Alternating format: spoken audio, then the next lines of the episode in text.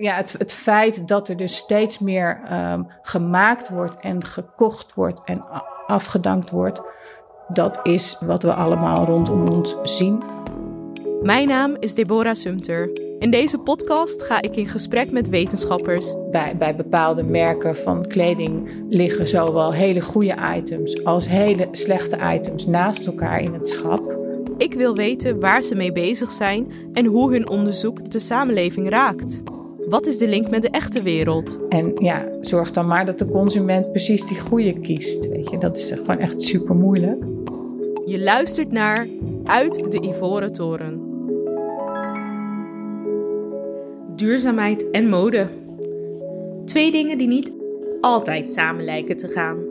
We worden regelmatig doodgegooid met verhalen over de groeiende fast fashion markt aan de ene kant en de kledingberg aan de andere kant. In deze aflevering ga ik in gesprek met Natasja van der Velde, onderzoeker en consultant op het gebied van duurzame mode en academisch coördinator van het LDE Center for Sustainability Circular Textiles Lab. Ze vertelt ons meer over haar passie voor het vak, de rol van ontwerpers en wat er nodig is om toe te werken naar een duurzamere mode-industrie. En ze geeft wat tips mee zodat jij ook kunt zorgen voor een duurzaam gevulde kledingkast. Ik ben Natasja van der Velde. Ik ben onafhankelijke onderzoeker en consultant op het gebied van duurzame kleding en textiel. Ik um, heb een um, doctoraal gedaan aan de uh, TU Delft, faculteit Industrieel Ontwerpen. En um, daarbij, ja, tijdens mijn uh, promotieonderzoek heb ik gekeken naar met name levenscyclusanalyses van kleding en textiel.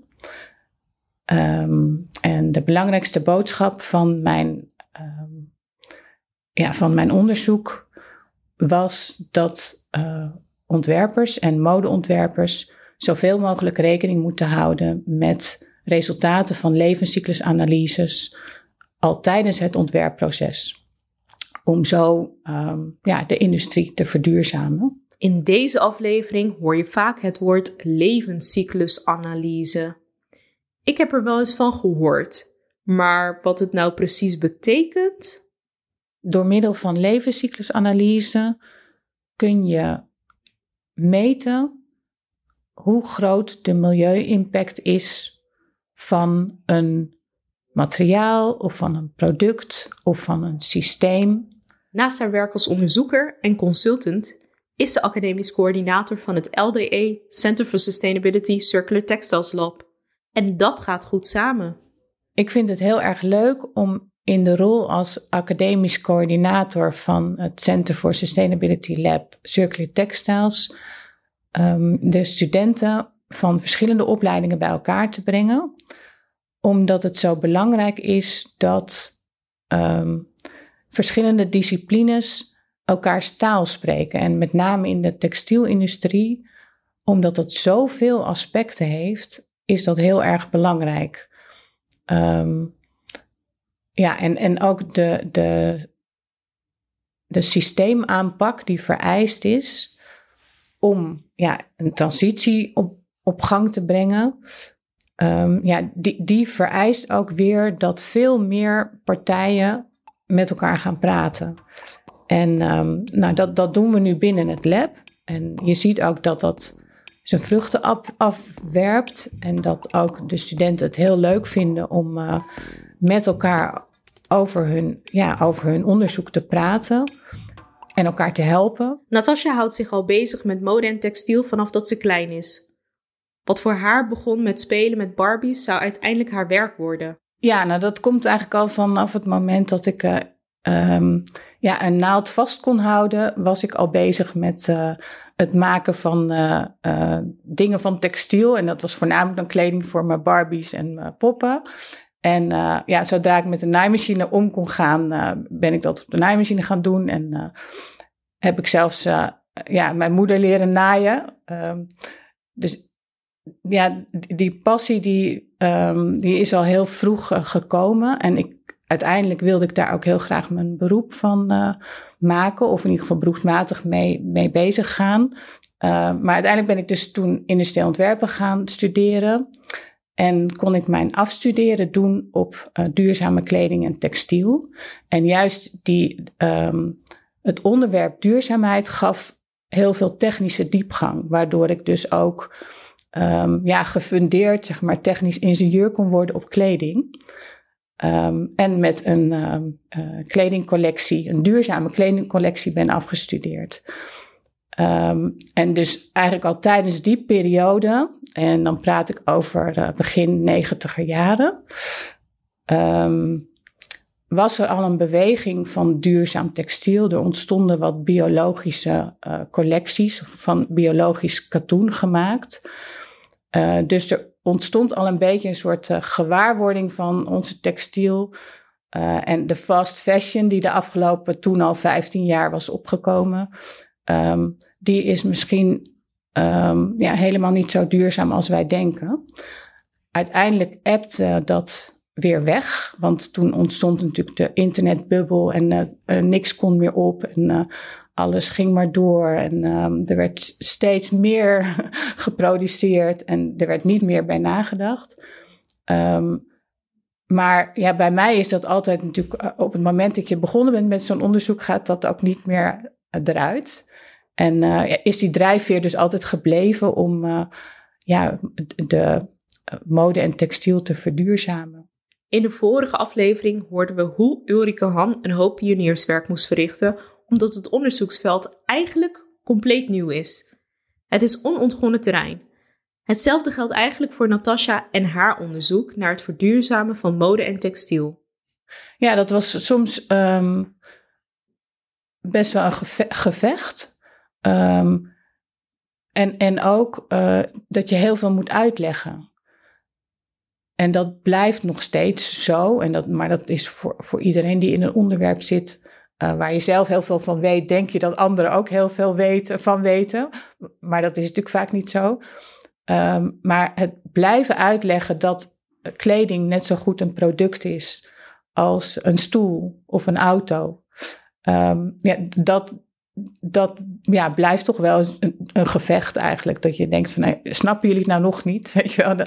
Dus um, dat. En um, ja, dat, dat heel veel mensen niet bij stilstaan hoe, uh, ja, hoeveel technische achtergrond een textielproduct eigenlijk heeft. Beginnende al op de uh, ja, katoenvelden, maar natuurlijk ook bij het maken van de polyester. Um, ja, daar zit al heel veel technologie achter om dat allemaal te kunnen um, kweken en maken. En tot en met ja, dat het een eindproduct is. Ja, en, ja, en inmiddels is het natuurlijk steeds belangrijker om ook over uh, ja, het einde van het leven na te denken. En daar komen ook weer allerlei technische aspecten bij kijken. Dus um, ik heb altijd al gezegd dat de, de, ja, de visie van uh, industrieel ontwerpers, maar, maar ook meer van de systeemaanpak, dat die heel erg belangrijk is voor uh, ja, het verduurzamen van de kledingindustrie en de textielindustrie. De passie voor het verduurzamen van de mode- en textielindustrie zette Natasja ook voort in haar promotieonderzoek. Um, ik begon mijn promotieonderzoek um, ja, vanuit een honger naar meer kennis op mijn afstudeeronderwerp. En die periode, daar zit dus een jaar of tien tussen. Uh, ik ben eerst gaan werken in, uh, bij diverse bedrijven, ook in de uh, mode-industrie, maar ook in de grafische industrie. Um, en toen ik dus begon met mijn PhD, toen had ik allerlei ideeën voor innovaties, ja, hoe ik nieuwe um, kleding zou kunnen gaan maken. bijvoorbeeld kleding sprayen of um, ja, maken van meer biologische materialen, allerlei dat soort ideeën. En toen ik dat had opgetekend, dacht ik van ja, maar ik kan dit allemaal wel bedenken, maar ik moet weten dat het duurzamer is dan wat, ik, wat er is op dit moment. Nou ja, en dan kom je natuurlijk uit bij uh, weten is meten. En dan is levenscyclusanalyse is, ja, de aangewezen methode om te gaan kijken of dat werkelijk zo is. En um, nou, uiteindelijk, um, omdat ja, bleek dat er niet zo heel veel mensen expert waren op het gebied van levenscyclusanalyse van textiel. Ja, moest ik dat eigenlijk zelf wel worden en heb ik me daar, ja, heb ik me daar heel erg in verdiept. Natuurlijk samen met uh, begeleiders Han en Joost Voogtlender. En um, ja, ben, ik dus eigenlijk LCA-expert geworden.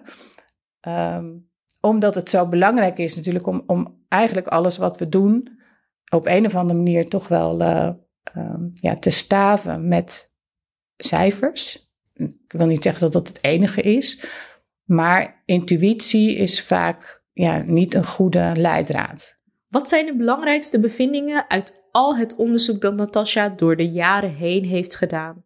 Ja, bij, bij mijn afstudeerproject um, heb ik um, gekeken naar of kleding gemaakt van natuurlijke materialen, of die nou milieuvriendelijker was dan kleding gemaakt van synthetische materialen. En omdat destijds, in 1994, uh, eh, de LCA-methodiek nog niet volledig ontwikkeld was. En ook, er waren ook nog geen data. Um, ik moest bijvoorbeeld faxen om data te krijgen. Nou, dat ging natuurlijk helemaal niet lukken met landen aan de andere kant van de wereld. Um, dus ik heb toen een kwantitatieve analyse gemaakt en daar kwam eigenlijk uit dat natuurlijke materialen uh, best wel een hoge milieu-impact hebben, wat, wat natuurlijk tegen de intuïtie in was. Um, en dat synthetische en ook halfsynthetische materialen wellicht uh, een veel beter milieuprofiel hebben dan natuurlijke materialen. En uiteindelijk uh, bij mijn PhD, en dat is dan dus 10, 15 jaar later, heb ik um, die hele analyse nog eens over kunnen doen. Met inmiddels wel goed ontwikkelde LCA-methodieken, met veel betere data. En eigenlijk kwam er hetzelfde uit als wat ik toen had geconcludeerd tijdens mijn afstuderen. Um, dat, um, ja, dat de milieu-impact van uh, halfsynthetische materialen, volsynthetisch is, heeft weer een andere ja, impact eigenlijk, maar dat die wellicht veel beter is dan die van, van helemaal natuurlijke materialen. Dus um, ja, dat is heel algemeen gezegd. Dus dat kan je, het is ook heel moeilijk om dat heel algemeen te zeggen. Um, maar het, destijds mijn afstudeer, uh, de, de, de, uitkomst van mijn afstudeeronderzoek zette al vraagtekens bij, ja, bijvoorbeeld, is katoen wel zo milieuvriendelijk? En inmiddels is daar veel meer over bekend. En um, ja, zijn er heel veel mensen die ja, inmiddels weten dat er ja, ook heel veel nadelen kunnen zitten aan katoen. Het gaat nu steeds over de materialen die nodig zijn om kleding te produceren. Maar hoe zit het met de milieu-impact van transport? Ja, wat ook heel um, vaak ge gedacht wordt, is dat um, het transport een grote milieu-impact heeft. En uit mijn studies, maar ook uit heel veel andere studies blijkt dat dat niet zo is. Um, en dat is wel een hele belangrijke bevinding, omdat ja, er heel vaak problematisch wordt gekeken naar transporteren. Um, ja, terwijl je juist natuurlijk die afweging moet maken van op het moment dat ik het ergens anders vandaan haal, is het misschien wel, heeft het een minder grote impact. Moet ik misschien wel iets verder transporteren, maar hoe weegt dat tegen elkaar op? En um, dat is denk ik wel heel belangrijk. En aan de andere kant, dat heb ik dan niet zelf onderzocht, maar dat komt uit um, uh, ander onderzoek. En dan hebben ze over de last mile.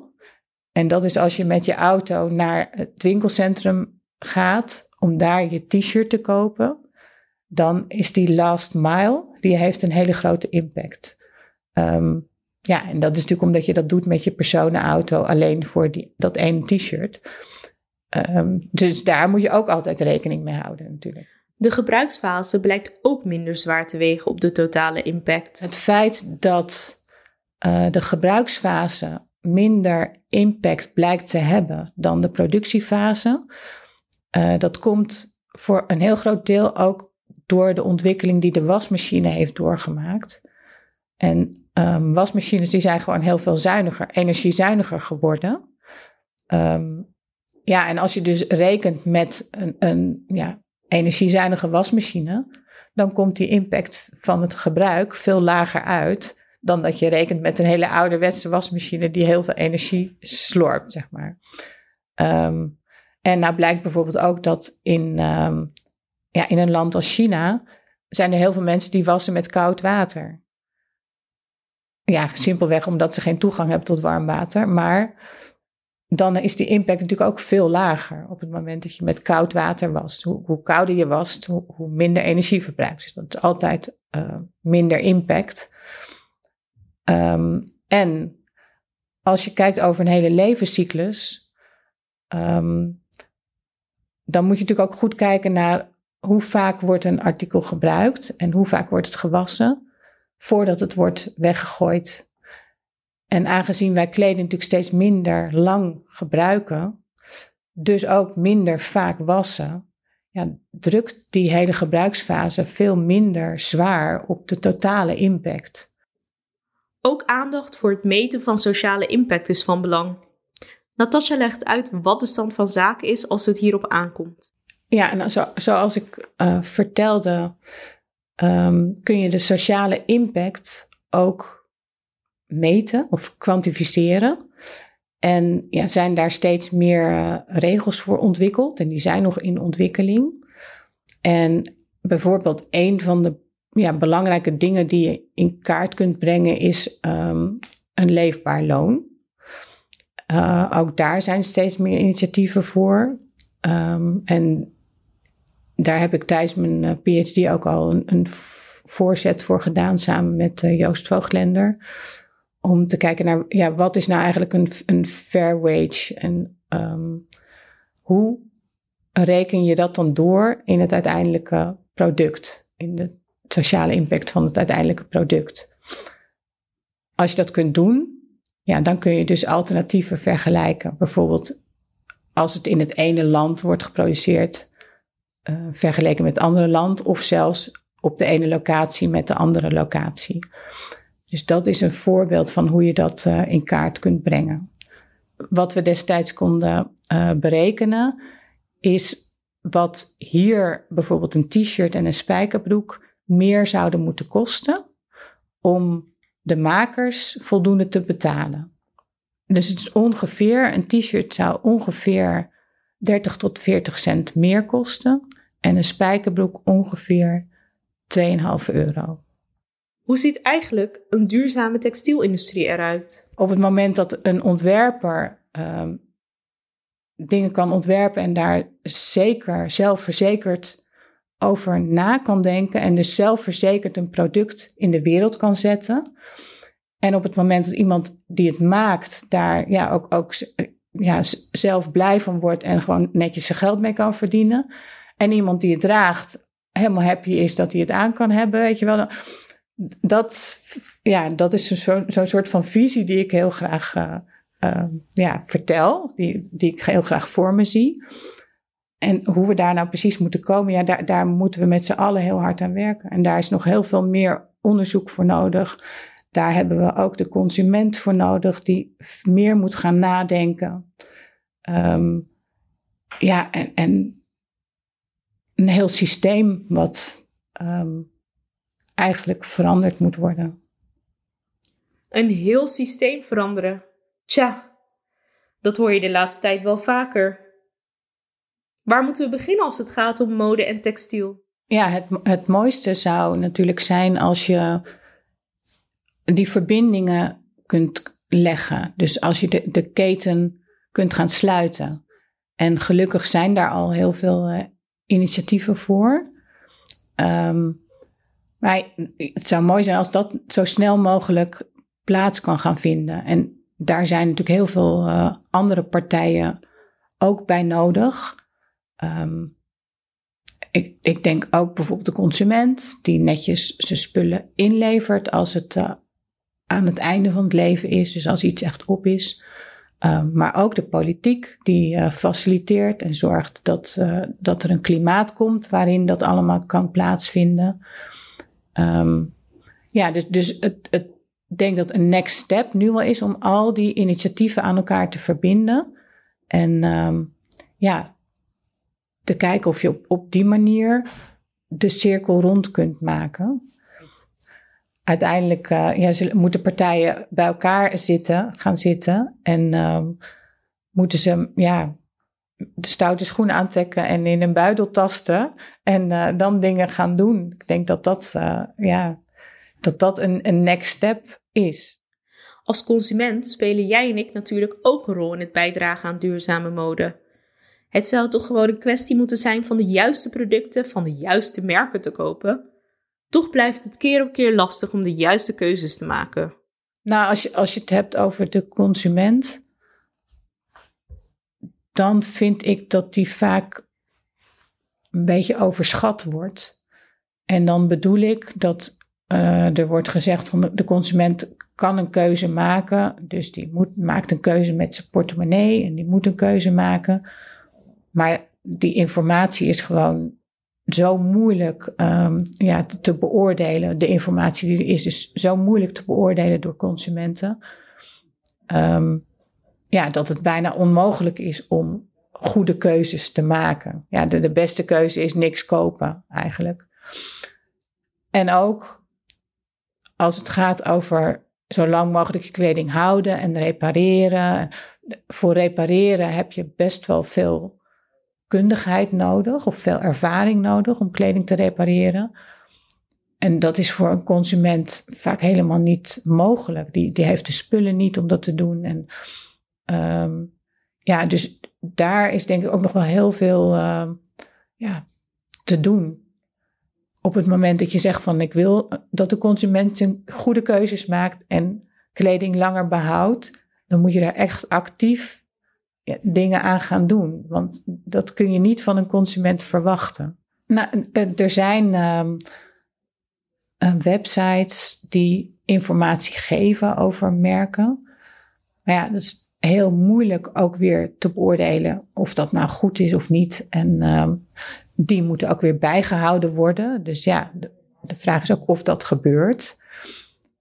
Dus daarin denk ik dat um, daar gebeurt nu wel veel. En daar is ook best wel veel mogelijk. Maar heel zwart-wit uh, informatie geven ja, is bijna niet mogelijk. Ik bedoel, bij, bij bepaalde merken van kleding liggen zowel hele goede items als hele slechte items naast elkaar in het schap. En ja, zorg dan maar dat de consument precies die goede kiest. Weet je, dat is gewoon echt super moeilijk. Um, ja, en, en als het gaat bijvoorbeeld over uh, repareren of dat soort dingen, dat kun je natuurlijk wel faciliteren. Um, goedkoper maken. Wat voor tips heeft Natasja voor ons als consument om onze kledingkast te verduurzamen? Nou, uh, om te beginnen, denk ik dat het uh, goed is als je als uh, consument, voordat je op pad gaat, eerst eens even kijkt wat je allemaal nog in de kast hebt hangen. Want ja, vaak liggen daar toch allemaal dingen die je lang niet hebt gekeken of niet hebt bekeken of hebt gedragen. En als je dan iets gaat kopen, ja, kun je best wel goed onderzoeken waar je gaat kopen.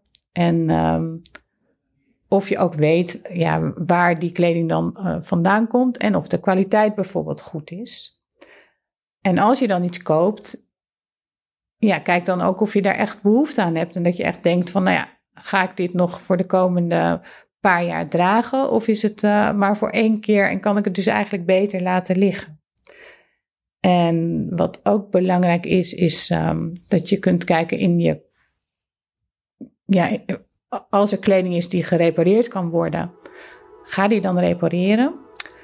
Uh, of breng hem weg om te repareren. En wat ik zelf vaak ook doe, is uh, als iets na twee of drie keer dragen en wassen al stuk is, dan ga ik gewoon terug naar de winkel en dan, uh, ja, dan ga ik ze dus vertellen dat het slechte kwaliteit kleding is. En uh, dat is natuurlijk ook een signaal um, ja, naar um, kledingmerken toe om te zorgen dat hun uh, kwaliteit beter moet worden. Ik vraag tot slot wat Natasha's call to action is. Waar kan jij als luisteraar haar voor bellen? Um, ja, ik werk zelf ook aan uh, diverse um, innovaties. Um, ook materiaalinnovaties, maar uh, ook ja, meer op het gebied van uh, samenwerking en onderzoek. Dus uh, nou ja, op het moment dat je daaraan mee zou willen werken, dan kun je altijd contact met me opnemen.